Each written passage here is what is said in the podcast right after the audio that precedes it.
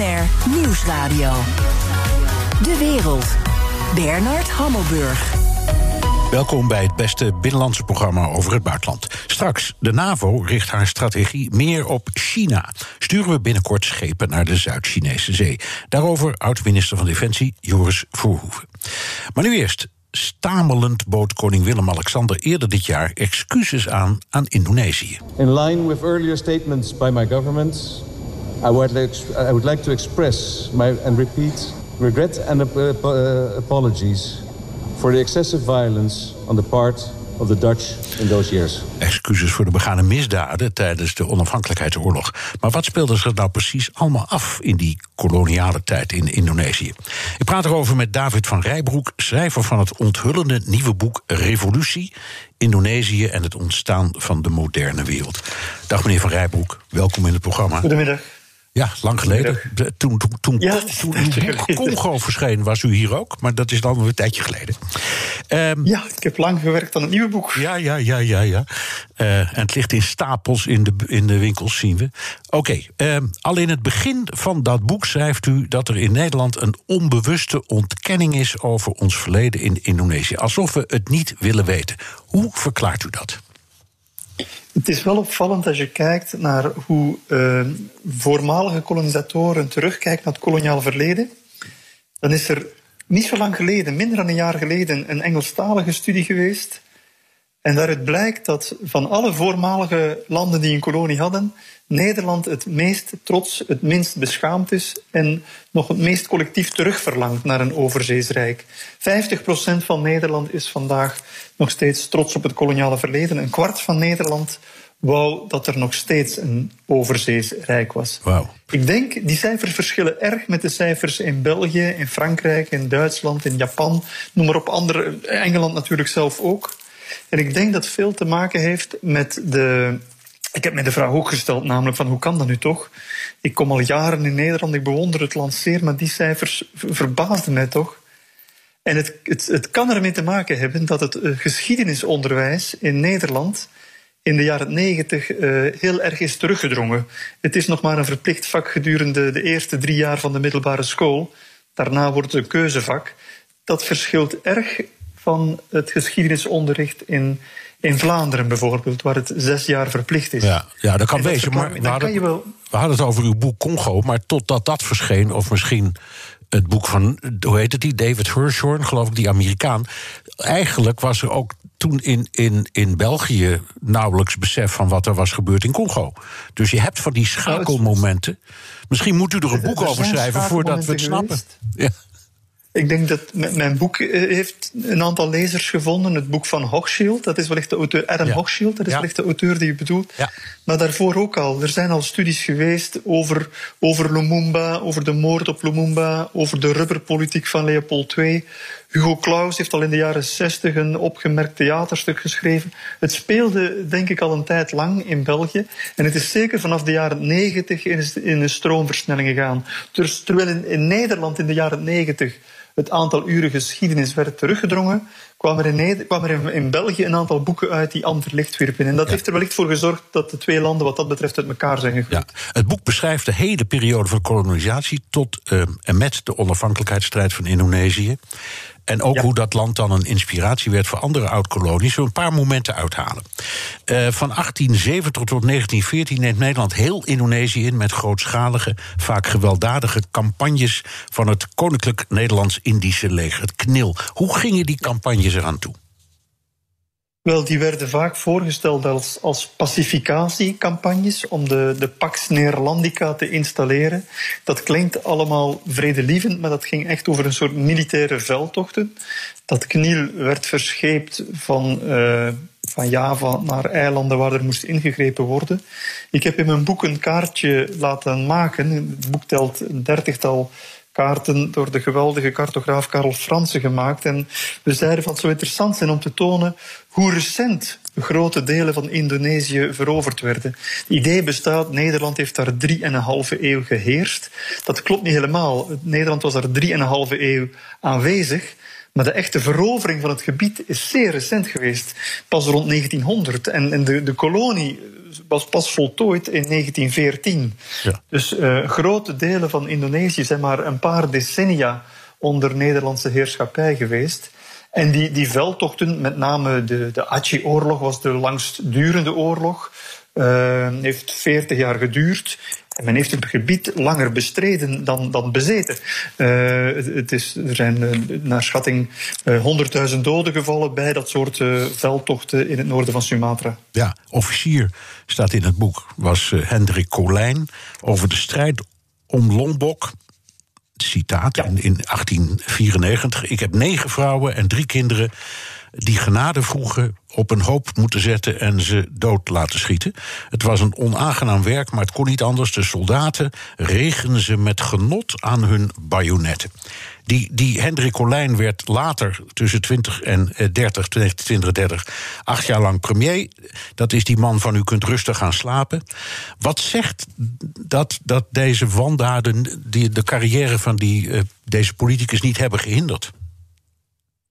Wel, uh, ik denk dat Colijn het klassieke voorbeeld is van de verstrengeling van het koloniale apparaat, economische belangen en politieke elite. Hij belichaamt, hij is tussen zijn werk als uh, officier bij de KNIL in Nederlands-Indië en zijn tijd als premier van Nederland is hij, heeft hij topfuncties bekleed bij, bij oliemaatschappijen, bij de koninklijke.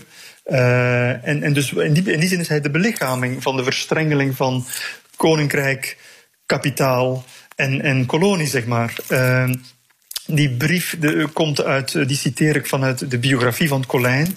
Is pas eigenlijk relatief onlangs opgedoken. Eh, destijds was die brief niet bekend. Maar dat er grote slachtingen hadden plaatsgevonden, was wel geweten. Zeker op Bali en op Lombok. Eh, waarbij eh, hele hofhoudingen ervoor kozen uh, strijdend ten onder te gaan. Dus mensen gewapend met enkele krissen en uh, rituele steekwapens liepen op de vuurmonden van de Nederlandse koloniale troepen af. Zelfs met vrouwen en kinderen erbij. Hele monarchieën zijn op die manier neergemaaid geworden door Nederlandse koloniale troepen. Aan het begin van de, van de 20e eeuw werd in Indonesië politiek ook actief. Uh, er zijn allerlei pogingen gedaan om de, de de relatie te verbeteren. Hoe was het leven voor de gewone Indonesiër in die tijd? Ik denk dat er een groot verschil is tussen 1910 en 1930. Ik was eigenlijk toen ik aan het boek begon, dacht ik van het zal aanvankelijk erg geweest zijn en na verloop van tijd zal het wel humaner geworden zijn. Het is net omgekeerd. De periode 1900-1920 was ongetwijfeld de meest humane. Toen had je de zogenaamde ethische politiek, waarbij een soort uh, win-win deal werd afgesloten van wij mogen dit gebied uh, economisch exploiteren, maar de bevolking moet er ook iets aan hebben. En dan zeker op vlak van onderwijs en gezondheidszorg en sociale mobiliteitskansen enzovoort. Ja. Uh, die win-win moet je echt begrijpen als win-win. Het was vooral heel veel winst voor Nederland en een relatieve uh, verbetering van het lot van de gewone Indonesiërs. Maar op de minste, het was een soort ideaal. Als je dat dan vergelijkt met de periode 1920-1940, laatste decennia van het koloniale tijdperk, dan zie je dat het daar veel hardvochtiger aan toe ging. En zeker van zodra de beurs van Wall Street was gecrashed in 1929, kon men die belofte op emancipatie niet langer waarmaken. En heeft men van de open hand de gebalde vuist gemaakt. De jaren 30 in Nederlands-Indië waren een periode die je eigenlijk uh, niet anders kan omschrijven dan een, een politiestaat. De kolonie werd zeker tussen 1930, 1935, 36 werd met uh, ijzeren vuist geregeerd. En de, de voornaamste lokale leiders, politieke leiders van de Indonesische bevolking werden verbannen in een soort Nederlandse variant van de Gulag, een soort Nederlands Siberië, in dit geval uh, Nieuw-Guinea. En de, de, de, vele miljoenen onderdanen bleven erg stil. En men verwarde die stilte met tevredenheid. Ja, maar onder, ja. onder die stilte zat natuurlijk enorm veel wrok en frustratie. In 1942 kwam de, de Japanse invasie in Indonesië. Nederland verklaarde Japan al de oorlog voordat de Amerikanen dat deden, na Pearl Harbor. Uh, u schrijft dat Japan helemaal niet op zoek was naar een conflict met Nederland, maar gewoon de grondstoffen wilde. Hoe zit dat nou precies? Japan was in eerste instantie op zoek naar de, de, de olie. Die, het, was, de olie was de cruciale aanleiding tot, het, tot de inval. Japan was het eigenlijk van plan om, om China verder uh, in te nemen en richting Rusland door te stoten. Maar toen plotseling bleek dat Amerika de oliekraan dichtdraaide, werd de olie uit Nederlands-Indië cruciaal voor, voor, uh, voor Japan. Uh, Pearl Harbor iedereen weet dat dat het begin is van de Amerikaanse betrokkenheid, militaire betrokkenheid bij de oorlog. Maar Pearl Harbor was eigenlijk nodig om de Amerikaanse vloot uit te schakelen en zo vlot mogelijk naar Nederlands-Indië te gaan. Op hetzelfde moment van Pearl Harbor wordt ook Singapore aangevallen in de oostkust van het Maleisische Schiereiland, ja. waar de Britten zaten. Dus het idee was, we gaan de twee belangrijkste koloniale rijken militair verzwakken, de Amerikanen en de Britten. Eh, zodat we uh, makkelijker naar Nederlands-Indië kunnen doorstoten. Ja. Nu, op de ochtend, enkele uren na de aanval, gaat Nederland als eerste Japan de oorlog verklaren, terwijl het niet aangevallen was geweest, uh, merkwaardig genoeg.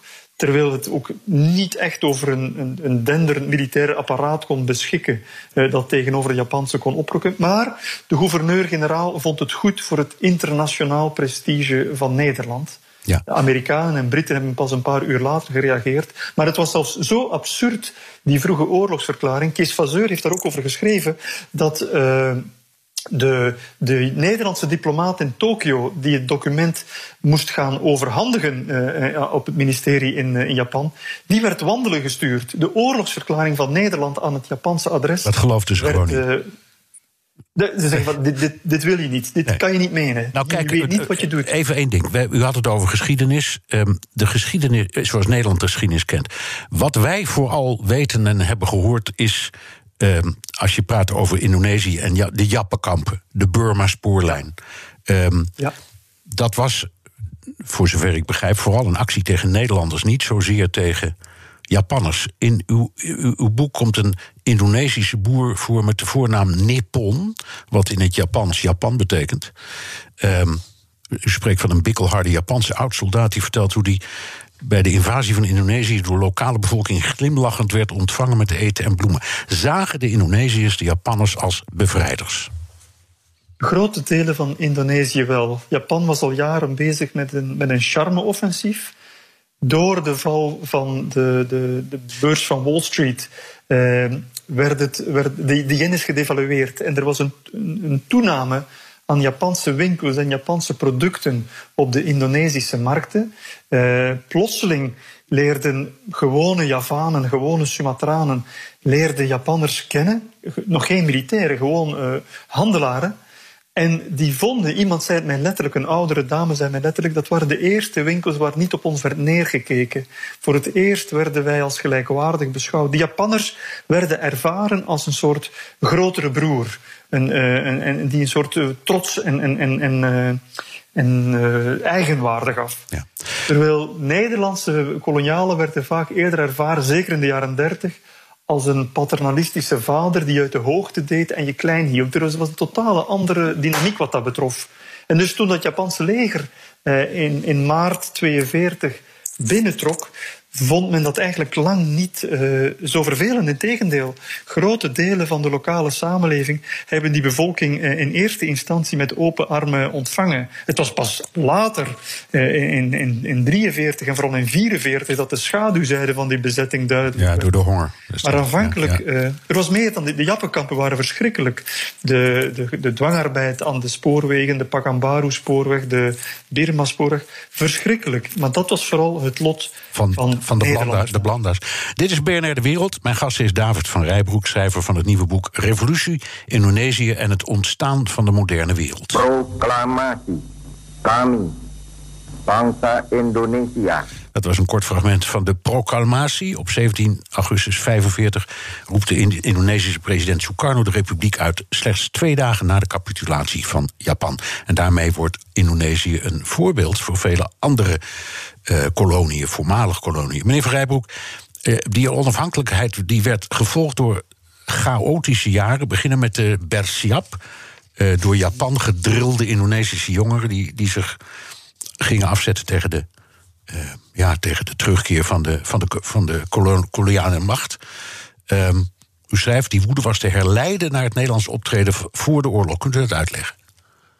Er was een opeenstapeling van factoren. Als je gruwelijk geweld ziet, als je ziet dat een over het algemeen erg docile bevolking plotseling zich te buiten gaat aan het meest gruwelijke geweld dat men zich kan inbeelden, dat gaat niet van de ene dag op de andere. Er is een, een reeks van factoren geweest. En uh, de vernederingen van de koloniale tijd uh, hebben zeker meegespeeld. Ik heb in mijn boek ik heb ongeveer 200 mensen geïnterviewd, de meeste boven de 90. En dus die generatie die kind was in de jaren 30 vertelde mij hoe zij die laatste jaren van de koloniale tijd beleefd hebben. En hoe vernedering uh, deel van hun, van hun alledaagse ervaringen waren. Maar die vernedering, gekoppeld met hoop door Japan gegeven in 1942, een soort politisering en militarisering ook door Japan gegeven in de jaren 42, 43, en dan tenslotte in 1944 enorme honger en schaarste. Ja. Japanners hebben die Indonesische jongeren achtereenvolgens trots gegeven, houten wapens en bamboesperen, en dan nog eens honger dorst en ellende. Ja. En die cocktail heeft ervoor gezorgd dat daar een bevolking stond te trappelen. Die bevolking was ook, die Japan, Japanners hadden een hele, een hele generatie gemilitariseerd, gedrild, hen klaargemaakt voor de invasie van de geallieerden. Maar die geallieerden kwamen niet. Uh, de Amerikanen trokken eigenlijk ongeveer van Nieuw-Guinea rechtstreeks door naar de Filipijnen om naar Japan te gaan en hebben Java zelf links laten liggen. Dus die jongeren stonden te trappelen om in actie te schieten, waren geïndoctrineerd, waren op dat moment niet alleen de Nederlandse koloniale bezetting beu, maar ook de Japanse. Ik sprak met één, eh, in Semarang sprak ik met één ouder getuige, en die was hardhorig, maar sprak nog een beetje Nederland. En hij zei, zeer articulerend, vrij van alles. Ja. is ook de titel van een, boek, van een, van hoofdstuk geworden in mijn boek. Dat zei het helemaal. Die jongeren waren het zo zat om door derden uh, bezet te worden, dat ze uiteindelijk de wapens hebben opgenomen in een explosie van geweld, een, een geweldsorgie mag je bijna wel zeggen. Baldadig, brutaal, bloederig, uh, revolutionair, uh, medogeloos. Het is allemaal gebeurd. Ja, en dan spreken we over de periode september 45 tot december 45. Ja, en daarna uh, zijn er pogingen gedaan om tot een akkoord te komen. Dat is niet gelukt. En toen kwam er enorm bruut geweld. de, de, de, de, de campagne van Westerling in uh, wat toen nog Celebes heette en nu Zuid-Sulawesi. Um, Want er was eigenlijk een heel, een heel aanvaardbaar uh, akkoord. Ja, precies, maar daar, daar, daar was Den Haag niet weg van, begreep ik. De, het akkoord was, was, een, was een compromis. En dus een compromis wint nooit een schoonheidsprijs, maar het was een werkbaar compromis. Maar één keer terug in Den Haag heeft men er allerlei nieuwe eisen eh, beginnen aan te hangen, waardoor de situatie weer erg scheef kwam te liggen. Ja. En, toen, toen, in even omwille van de tijd, want we, het gaat snel. Toen heb je de, de, actie gehad van Westerling in Slebes. Toen zijn de politionele acties gekomen. Dat was in feite een poging om de revolutie of de onafhankelijkheid te onderdrukken. En het, het wonderlijke is Indonesië heeft zichzelf in 1945 onafhankelijk verklaard. Pas in 1949 heeft Nederland daar onder druk van de Amerikanen aan toegegeven. met wat zo wonderlijk heette de soevereiniteitsoverdracht. Een, een woord dat ik als jongetje op school al niet precies begreep. uh, ja, en, maar nu.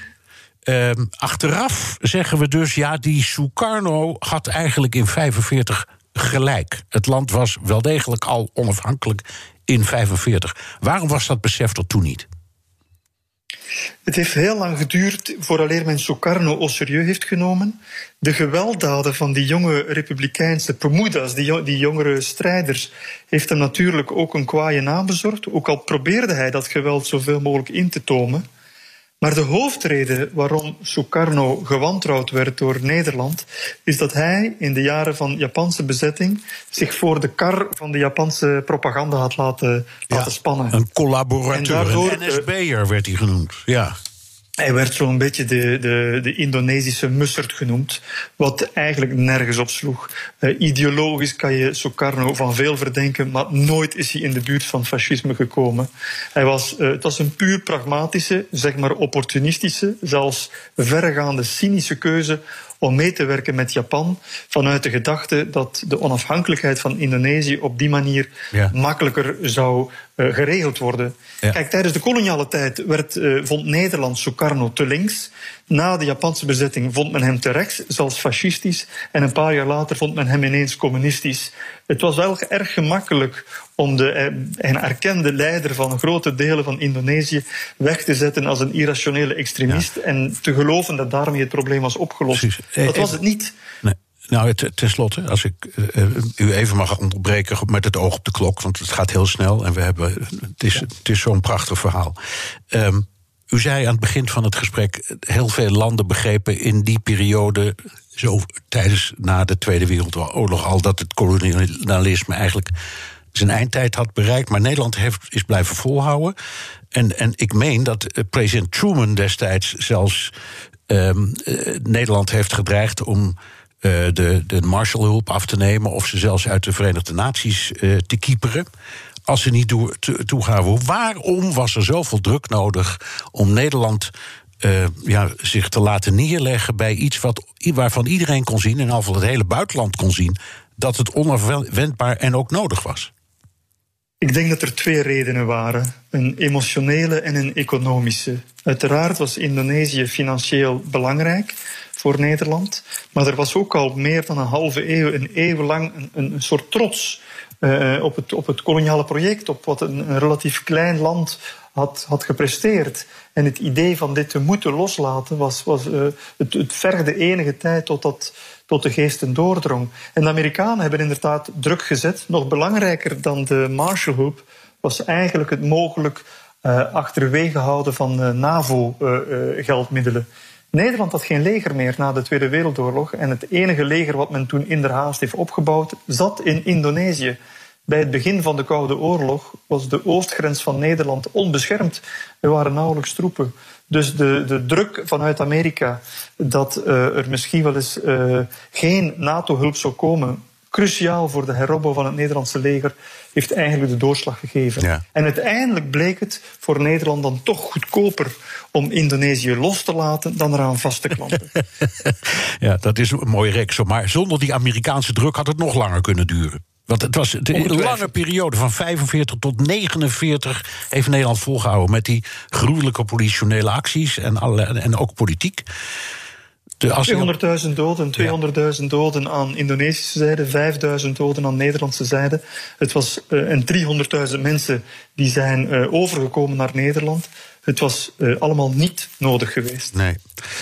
Ehm, heel hartelijk dank, David van Rijbroek, schrijver van het nieuwe boek Revolutie, Indonesië en het ontstaan van de moderne wereld.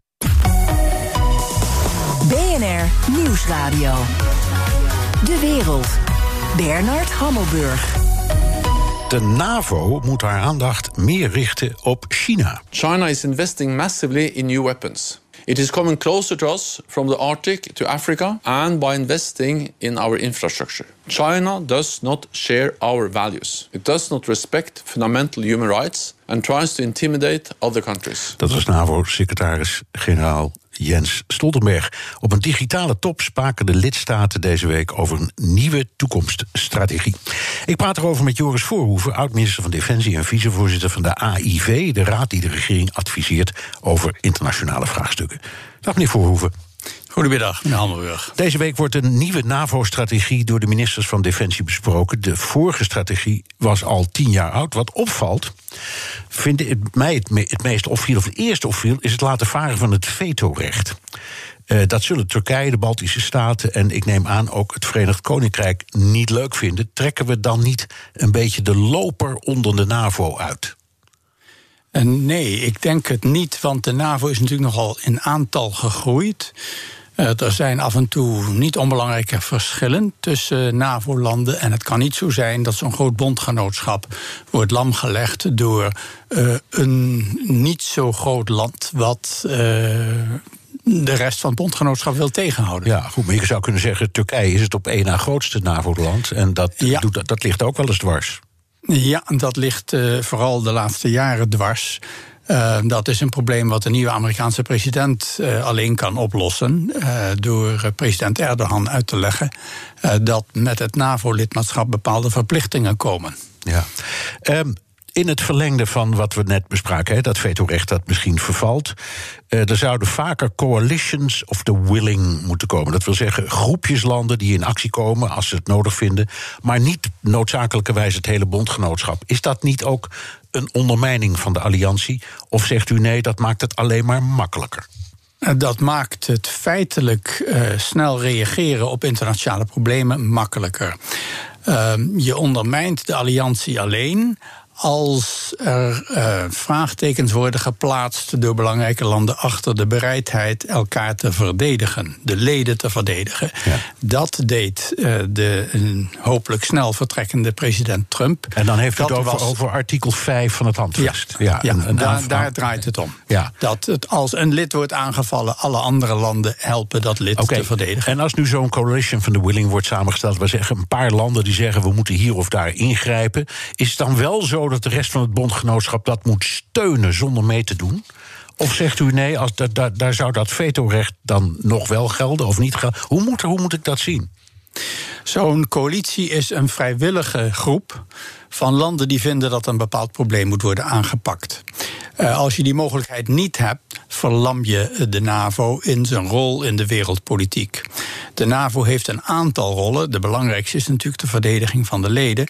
Maar het is ook een stabilisator in het nogal onordelijke wereldpolitieke bestel. En er moet soms ook buiten het NAVO-gebied worden opgetreden in vredesoperaties uh, om dreigingen te keren. Het is verstandig als de NAVO ook wat vaker um, tijdig optreedt en niet eerst problemen heel erg laat worden voordat er pas wat wordt gedaan. Dus ik vind het een verstandig advies. Ja. Nou, je kunt zeggen, er is één mooi voorbeeld waar dat is gelukt. En dat was in de wateren van Somalië, waar toen een probleem ja. was met, uh, met zeeroverij. Dat, ja. dat ligt, ligt, natuurlijk helemaal niet in het NAVO-gebied. Maar was dat zo'n coalition van de Willing? Nederland heeft toen meegedaan. Ja, dat was een, een coalitie die inderdaad. Uh, toen uh, een belangrijk probleem heeft helpen bedwingen.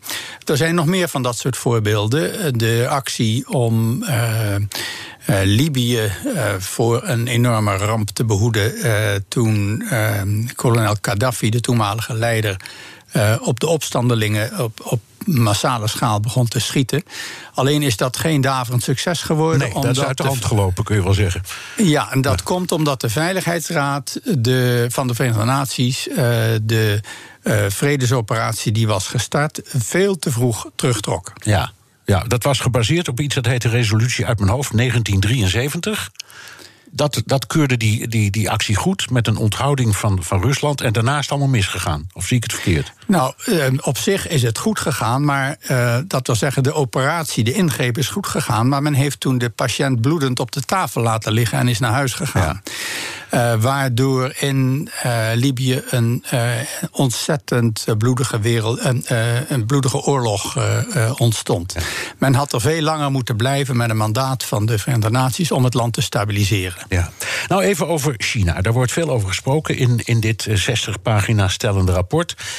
Ehm, de NAVO is de Noord-Atlantische Verdragsorganisatie. Hawaii valt er zelfs buiten, de Antillen vallen er buiten.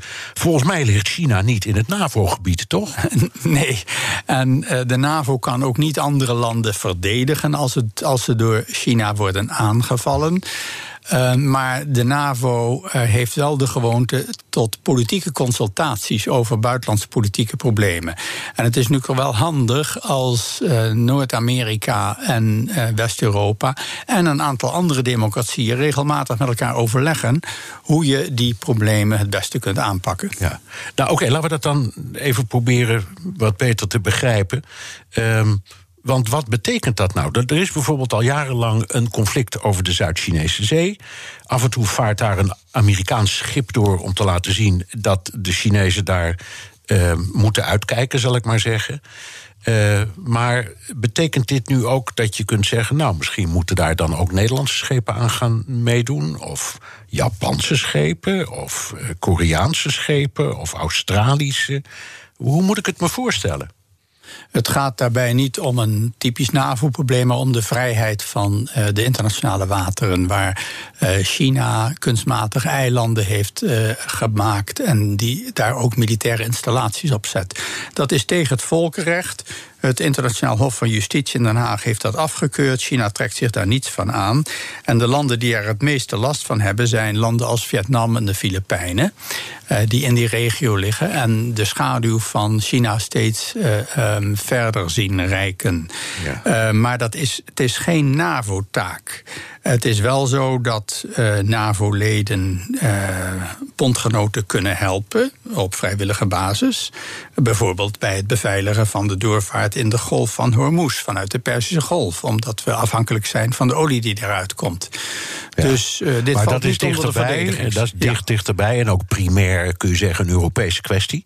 Dus dat ja. kunnen we ons dan wat makkelijker voorstellen. Maar nou nog even, u, u zegt ja, China is inderdaad geen NAVO-gebied. Um, maar, en, maar je kunt wel consulteren met landen die daar in de omgeving liggen: Australië, Nieuw-Zeeland, uh, Japan, ja. uh, Zuid-Korea. Uh, wat betekent dat nou concreet? Betekent dat als wij een probleem zien dat wij de hulp kunnen vragen van die landen, bijvoorbeeld in een conflict dat echt gewapend wordt? Nou, ik denk dat het anders zou moeten worden aangepakt. Um, de Verenigde Staten of andere landen in de regio Zuidoost-Azië zouden uh, gezamenlijk een bondgenootschap kunnen vormen uh, om tegenwicht te bieden tegen een al te assertief uh, China. China adverteert zichzelf als een zeer vreedzame mogendheid, maar het is wel met een buitengewoon grote militaire inspanning nodig, bezig. op alle terreinen, in de ruimte, op zee, in de lucht. Uh, dat geeft te denken voor de kleinere landen die uh, ook in uh, Zuid-Azië wonen en daar veiligheid moeten hebben. Ja, maar goed, als je zegt we krijgen een soort van ja, ik moet zeggen, vaste relatie met landen als Australië. Dat, dat was trouwens altijd al zo bij mijn weten. Uh, want dat heeft ook meegevolgd in de Tweede Wereldoorlog bijvoorbeeld, terwijl het er eigenlijk niks ja. mee te maken had. Uh, maar uh, er zit in, in dit soort afspraken altijd, lijkt mij, een, een verplichting over en weer.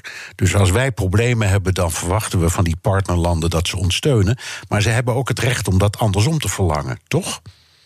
Uh, ja, maar um, de Nederlandse defensie reikt niet zo ver dat wij in de Zuid-Chinese zee uh, namens uh, andere landen zouden kunnen gaan patrouilleren. Uh, als een Nederlandse regering daartoe besluit, dan is dat op zich mogelijk. Maar dat lijkt mij een beetje erg ver ja. weg van ja. huis. We hebben andere problemen in de Nederlandse dat, defensie. Zeker. Maar oké, okay, u zegt China wordt rukt op hè, als macht, militair ja. en ook anderszins. Nou heeft China heel kort geleden een um, economisch handelsakkoord gesloten met een aantal landen waar we het nu over hebben. Met Japan, met Zuid-Korea, met Australië en Nieuw-Zeeland. Dus klaarblijkelijk in die landen wordt daar dan toch anders tegen aangekeken. Of zie ik dat verkeerd? Nou, dat akkoord is mede tot stand gekomen door het uh, erg verkeerde beleid dat de Verenigde Staten de afgelopen jaren heeft uh, uh, gevoerd. Onder leiding van een antisociale president. die ook belangen van de Verenigde Staten heeft verkwanseld. Gelukkig komt daar een einde aan. En ik denk dat uh, de nieuwe Amerikaanse minister van Buitenlandse Zaken en ook van Defensie uh, vanaf eind januari uh, zich anders zullen opstellen en meer zullen doen om bevriende landen in Oost- en Zuidoost-Azië Um, daar goede banden mee aan te gaan. Ja, maar u, u, zegt dus heel duidelijk: er is nu sprake van een omslagpunt doordat president Trump is verslagen door de nieuwe president Biden. Ja. En u verwacht dat daarmee een enorme omslag komt, laten we zeggen, een soort reset terug naar de situatie van voorheen. Waarbij de Verenigde Staten misschien weer een leidersrol wil nemen binnen de NAVO. Um, en in de, in gewoon ja, het gevoel wil geven dat het um, ook geeft om de bondgenoten. Ziet u het zo? Ja, ik denk dat dat stap voor stap gaat gebeuren. Niet in een grote klap, maar dat we al bij de inauguratie van Biden zullen merken dat er een hele andere toon is. Het is het Amerikaanse belang om het zo te doen. Uh, dat was het domme van de periode Trump, heeft Amerikaanse belang geschaad. De Verenigde Staten is natuurlijk niet meer zo sterk relatief als het was in 1945 of in 1949 toen de NAVO werd opgericht. Maar het blijft onder de westerse landen uh, de grootste democratie. Uh, je mag dat woord democratie wel eens tussen aanhalingstekens uh, plaatsen. als je ziet hoe dat gaat in de Verenigde Staten. Maar het is toch nog steeds een uh, tamelijk vrij land. Ja. de allergrootste democratie, en dat slaat ook op die nieuwe verklaring van de NAVO in de wereld, is India. En uh, wat ik verstandig vind in dit nieuwe document is dat men uh, ook een dialoog met India wil openen. Ja, maar wat betekent nou precies een dialoog? Uh, gesprekken openen. India staat daar nu nog niet zo erg voor open. Voert een heel terughoudend ja. uh, internationaal beleid. Ja, het, wilde ook het, niet, het wilde ook niet aan dat handelspact meedoen, voorlopig. Dus, nee, ja. nee, India heeft nu ook hele grote interne problemen en een traditie van neutraliteit. Maar uh, het wordt die richting uitgedwongen door de ontwikkeling in het uh, wereldpolitieke bestel. Uh, India wordt wat betreft bevolking groter dan China. En het heeft een gigantische vloot in uh, de Stille Oceaan. En uh, het heeft ook recent nog gewapende schermutselingen met China gehad. Die twee Aziatische giganten en hun onderlinge verhouding is heel belangrijk. En uh, ik denk dat wij niet alleen maar naar China moeten kijken, maar ook naar India, waar een potentiële vriend van te maken is. Ja, ik, ik wilde even eens, u hebt het dan over Amerika en de reset, waar we op hopen en misschien op rekenen. Ik, ik wilde even de, de oud, een oud voormalig Italiaans premier citeren, die zei vorige week: Als Europa kunnen we in de toekomst niet afhankelijk zijn van een paar duizend stemmen in Nevada, Arizona of Pennsylvanië. Heeft hij niet ook een punt? Jazeker. Jazeker, er, er is een grote behoefte aan uh, een hervorming van het Amerikaanse uh, politieke bestel. Uh, wat hele merkwaardige aspecten heeft. Maar daar gaan wij in Europa niet over. En als de strekking van zijn opmerking is: we moeten als Europa meer samenwerken en steviger op eigen benen dat staan. Was, dat was, dat was de strekking, ja. Ja, dan heeft hij gelijk. Ja. Uh, dat zou ook de NAVO versterken, want Europa doet te weinig voor de veiligheid van het eigen halfcontinent. Ja, en is dat dan alleen maar een kwestie van geld of is het ook een kwestie van politieke wil? Het is altijd eerst een kwestie van politieke wil. En ja, dat, daarna dat, kost, het geld. dat kost minder dan geld, dat is waar. Nou ja, ja uh, je krijgt door alleen politieke wil te tonen en niets te betalen wel een enorme kloof tussen woorden en daden. Die doet zich ook in Nederland voor. Nederland heeft heel, vele malen beloofd 2% van het uh, nationaal inkomen te besteden aan defensie. Uh, maar weigert tot nu toe nog steeds een concreet jaar te noemen waarin dat wordt gerealiseerd. Ja. En is er te langzaam in. Precies, dat, en dat is een probleem. En dat heeft niet alleen Trump geconstateerd, maar alle presidenten voor hem volgens mij ook ja. al. Ja. Ja. Um, even, we hadden, het, we hadden het over China en we hoorden Jens Stoltenberg helemaal aan het begin van dit gesprek zeggen: ja, dat land dat deelt onze waarden ook niet. Um, we maken ons druk over de Chinese investeringen in Europa en Chinese politieke invloed. Maar de NAVO is toch vooral een militair samenwerkingsverband ik bedoel, een land ja. aan het andere eind van de wereld. Wij kunnen toch niet uitmaken hoe dat politiek moet zijn en welke waarden dat hanteert? Nee, dat kunnen wij niet uitmaken. We kunnen wel constateren dat China gedeeltelijk door andere dingen wordt geïnspireerd als de West-Europese en Noord-Amerikaanse uh, democratieën. Uh, men moet de tegenstelling ook niet overdrijven, want dan krijg je de vijandelijkheid die je vreest. Uh, China stelt de belangen van de staat en in het bijzonder de belangen van de Communistische Partij en Centrale Comité uh, centraal. Daar draait alles om. Uh, wij in democratieën stellen uh, de rechten van de mens centraal. En dat botst, dat leidt tot andere beleidskeuzes. En dat zijn voor ons belangrijke waarden. Uh, die we moeten zien te handhaven. En ook steeds uit te leggen aan de, de Chinese leiding. Dat begrijp ik. Maar Stoltenberg die gaf de suggestie dat de vijandschap met dat land toeneemt. omdat zij andere waarden hebben. En, en toen dacht ik, dat is allemaal wel waar. Maar daar gaan we niet over. En daar gaat de NAVO nee. ook niet over. Nee, wat we moeten proberen te bewerkstelligen met China is vreedzaam naast elkaar bestaan. Uh, op een gegeven moment gaat ook het Chinese bestel uh, wel evolueren. Alles verandert in de wereld. Nou is er een, geen uitzicht op dit moment tot, uh, op meer vrijheid in China. het gaat eerder de andere kant uit door de enorme invloed van de elektronische controle van de, op de bevolking.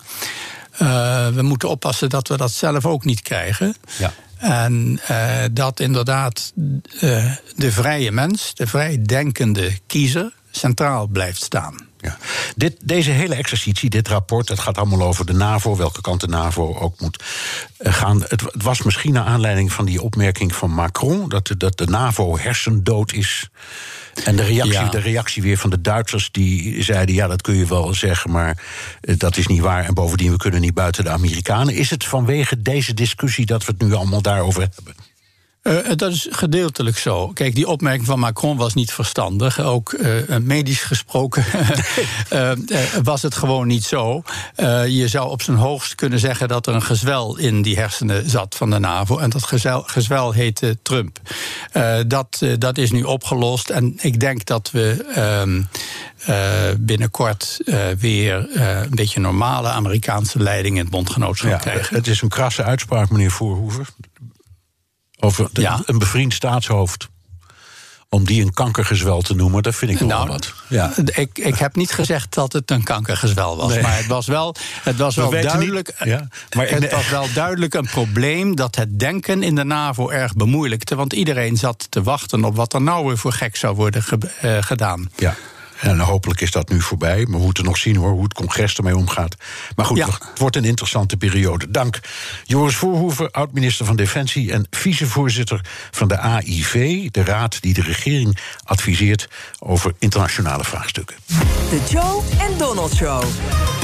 Tijd voor een update over de nasleep van de Amerikaanse verkiezingen. De komende twee weken doe ik dat met Amerikanist Koen Petersen. Dag Koen. Goedemiddag. Ja, terwijl de verkiezingen van 2020 nog nasmeulen, zijn er aanhoudende geruchten dat Trump zich warm loopt voor 2024. Wat denk jij? Gaat hij het doen? Het zou zomaar kunnen. Hij zal in ieder geval uh, die kans uh, open houden, omdat hij daarmee ook zijn politieke relevantie niet verliest. Wat je vaak ziet is als een president het Witte Huis verlaat, dat dan eigenlijk hij onmiddellijk yesterday's man is. Maar op het moment dat hij nog een serieuze kans denkt om weer te maken terug te komen, dan blijft hij een politiek heel relevante factor, zowel in zijn eigen partij als ook in het politieke debat. En met de enorme hoeveelheid aanhangers die er toch heeft weten te mobiliseren, zou het zomaar kunnen. Ja, ja hij heeft meer kiezers gekregen dan wie dan ook, welke kandidaat ook uit de Amerikaanse geschiedenis. Hè, dat moeten we niet vergeten. Ja, op Joe Biden na. Ja. Maar voor de rest uh, heeft hij 5 miljoen kiezers meer dan vier jaar geleden binnengehaald. En toen had hij er al heel veel. Dus het hele idee dat de Republikeinse Partij op stervende dood is, is door Trump uh, omgebogen. Dat is een hele knappe prestatie. En daarom moet hij ook echt wel worden gevreesd als uh, kandidaat over vier jaar. Als hij dat zou willen. Maar blokkeert hij dan niet anderen? Want je hebt, eh, er zijn behoorlijk wat talenten in die partij. Uh, weet ik, Nikki Haley en, en, en, en Paul Ryan, de vroegere voorzitter van het parlement. Het zijn allemaal jonge mensen met een uh, Ted Cruz, die ook al jarenlang ja. hengelt. dus blokkeert hij die mensen dan niet? Ja, verschrikkelijk. En dat is voor die Republikeinse partij wel een probleem. Want die andere kandidaten zijn minder bekend dan Trump. Dus die zullen dan, als zij kandidaat willen zijn over vier jaar, toch de komende jaren ook met speeches door het hele land en opvallende acties. Uh, ja, in beeld moeten komen bij, bij de kiezers. En uh, als zij dat doen zonder dat Trump zich heeft teruggetrokken als kandidaat voor 2024, ja, dan worden ze gezien als mensen die hem voor de voeten lopen. En kunnen ze de woede van hem over zich heen afroepen. Ja. Dus als ze dat niet doen, zitten ze veilig. Maar als Trump op het laatste moment dan toch zegt: Ik heb me bedacht, ik doe het maar niet. Dan hebben ze een enorme bekendheidsachterstand. wat hun verkiesbaarheid echt heel moeilijk maakt. Dus het is best wel een dilemma voor die kroonprins. Dan heb je een discussie over gratieverlening. voor de kinderen van Trump. en misschien ook voor hemzelf. Uh, Sean Hannity uh, van Fox News die had het daarover, dat moest hij maar doen. Uh, experts weten niet of dat nou wel kan. Kan het of niet? Uh, dat is een A- en een B-antwoord. Zijn familie uh, gratie verlenen, dat uh, kan volgens meesterskundigen. Bill Clinton heeft zijn halfbroer ook gratie verleend op een van de laatste dagen als president in het Witte Huis. En dat heeft gewoon stand gehouden, dus dat, dat kan.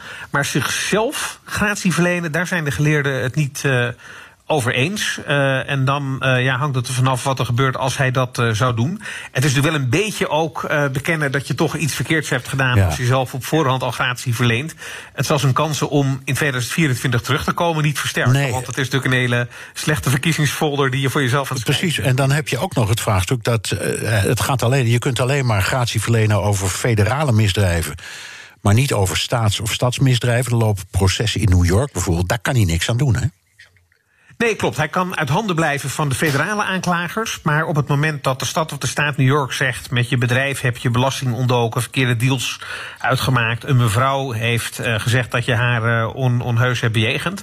Ja, daar beschermt, daar beschermt zijn eigen gratie uh, hem ook niet tegen in zo'n geval. Dus veel effect heeft het uiteindelijk niet. Want de meeste cases die tegen hem lopen, juridisch gezien, zijn niet federaal, maar uit de stad en de staat New York. Ja. Biden gaat intussen door met het aanstellen van kabinetsposities. Is eigenlijk een kabinet aan het formeren. Uh, in de Senaat hebben de Democraten geen meerderheid. Op dit moment, de vraag is hoe dat afloopt trouwens. Uh, met de verkiezingen in Georgia. Maar goed, uh, ja. kunnen de Republikeinen um, gaan dwarsbomen? Want al, dat zijn alleen maar voordrachten en nog geen benoemingen. Ja, op het moment dat uh, de president een, een kandidaat voor een ministerspost of een rechterspost of een diplomatenpost voordraagt, dan moet de Senaat dat goedkeuren met een absolute meerderheid. De Republikeinen hebben nu nog die meerderheid. En uh, mochten ze die ook houden, dat weten we begin januari, dan kunnen ze eigenlijk, als ze verenigd zijn, elke benoeming tegenhouden. Maar het is niet noodzakelijk zo dat alle Republikeinen altijd op dezelfde manier stemmen. Je hebt daar een hele andere fractiediscipline dan in Nederland we gewend zijn. Uh, en het kan heel goed zijn dat gematigde republikeinen toch wel van bepaalde kandidaten denken: nou ja, prima, Biden heeft zijn recht daarop.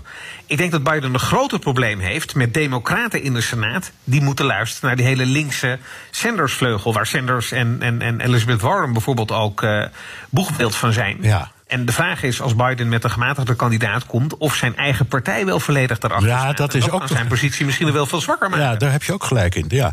Nou heeft hij, als je kijkt naar het lijstje, zijn het algemeen gematigde mensen met een goede naam en zo. Uh, bijvoorbeeld uh, uh, Janet Yellen, de, de, de, de ja. oud-voorzitter. Want dan denk je, ja, daar, daar, zal, daar zal die senaat toch niet tegen zijn. Dat, dat zal wel goed komen. Nee, en het adagium is ook dat een president wel het recht heeft om zijn eigen kabinet uh, te kiezen. Dus daar wordt altijd wel met enige tegemoetkomendheid naar uh, gekeken. En Yellen was in 2014 ook kandidaat voor uh, de Federal Reserve, de centrale bank, om daar de, de baas van te worden. En toen is ze met royale steun van Republikeinen en Democraten goedgekeurd. Ja. Dus heel veel bezwaar tegen haar persoon kun je redelijkerwijs niet, niet hebben. En daarna zal haar beleid onder de loep liggen. En dat is ook zoals het hoort in een democratie. Ja, zo hoort het te gaan. Oké, dank. Koen Petersen, Amerikanist en schrijver van onder andere het boek in de aanval over Trumps presidentschap. Wilt u meer horen over dat fascinerende land? Luister dan naar de Amerika-podcast. Tot zover PNR De Wereld. Terugluisteren kan via de site, de app, Spotify of Apple Podcasts. Reageren kan via een mailtje naar dewereld.bnr.nl. Tot volgende week.